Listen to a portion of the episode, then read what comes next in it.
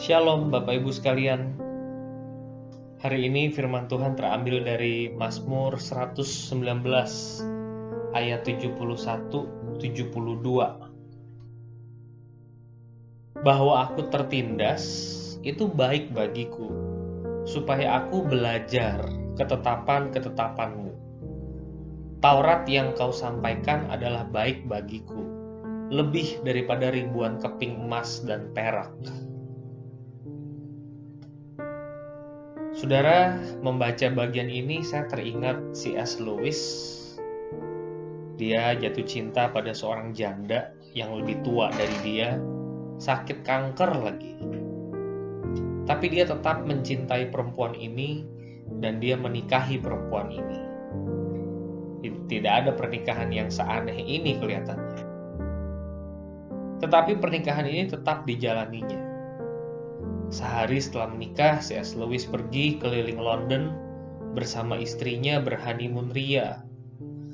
Tapi keesokan harinya istrinya jatuh sakit dan kemudian meninggal. Setelah itu C.S. Lewis menuliskan perenungannya dari pengalaman ini. Hal yang saya takuti bukanlah soal Allah itu ada atau tidak, tapi bahwa Allah yang saya kenal itu adalah Allah yang kayak gini. Yang mau tidak mau menyiksa anak-anaknya. Supaya anak-anaknya belajar taat kepadanya. Kira-kira begitu kalimatnya kalau diubah. Saudara pemazmur hari ini berkata bahwa tertindas itu baik. Supaya aku belajar ketetapan-ketetapan Sebetulnya saya nggak begitu setuju sih dengan C.S. Lewis yang mengatakan Allah itu menyiksa. Tapi sometimes kondisi hidup kita itu tertindas. Bukan karena Allah menyiksa. Hidup kita itu tertindas, menderita. Kadangkala untuk mempelajari firman, kita kudu masuk dalam pengalaman kita harus masuk dalam pelbagai masalah kehidupan yang menindas supaya kita bisa lebih mengenal Tuhan. Saudara, hari ini hari Prapaskah ke-22. Sudah sejauh mana kita mengenal dan mengalami Tuhan? Apa yang saudara gumuli dalam kehidupan spiritualitas Anda? Apa dosa Anda Apakah saudara mampu melihat diri Anda lebih baik? Saya pribadi merenungkan betapa duniawinya saya. Kadangkala saya tidak bersaat teduh dengan kualitas yang baik. Saya merasa malu, saudara-saudara. Saya juga merasa tidak fokus 100% di setiap Bible reading yang saya jalani. Saya merasa Tuhan mau saya lebih serius dalam setiap saat teduh saya ada kekhawatiran saya takut miss bagian-bagian yang penting dari kitab suci. Ini dosa yang saya lihat. Kenapa saya mengatakan hal ini? Saudara kalimat kedua dari Mazmur ini mengatakan, ketetapanmu lebih berharga daripada emas dan perak.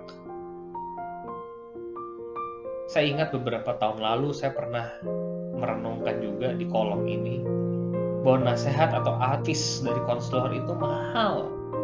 Betul nggak Bapak Ibu?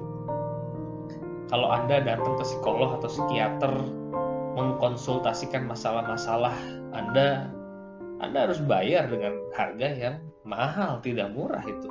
Ya kan? Saya membayangkan diri saya mendengarkan sebuah khotbah yang menyentuh, mendetikkan air mata betapa sukacitanya hati pada saat itu. Kok kayaknya cocok gitu. Mau bayar berapa? Saudara pelayanan seperti itu terlalu mahal harga yang harus dibayar. Hikmat dan bijaksana itu sesuatu yang sangat bernilai. Baca seribu buku pun tak akan setara dengan hikmat ilahi yang lahir dari kedekatan seorang anak Tuhan dengan Tuhan saya kembali teringat refleksi prapaskah yang ke-19 yang tidak kelihatan itu lebih berharga. Bapak Ibu Saudara, bagaimana kita menghargai firman? Seserius apa kita memperhatikan kata demi kata firman Tuhan? Sereflektif apa kita dalam saat teduh kita? Sejauh mana kita melihat dosa kita masing-masing di hari Prapaskah ke-22 ini? Apakah kita lebih peka melihat dosa orang lain? Sudah 22 hari perjalanan Prapaskah Sejauh mana kita sudah menyangkal diri kita? Tuhan, ubah hatiku, sehingga aku tidak kehilangan permata di dalam firman-Mu. Demi Yesus Kristus, aku berdoa. Amin.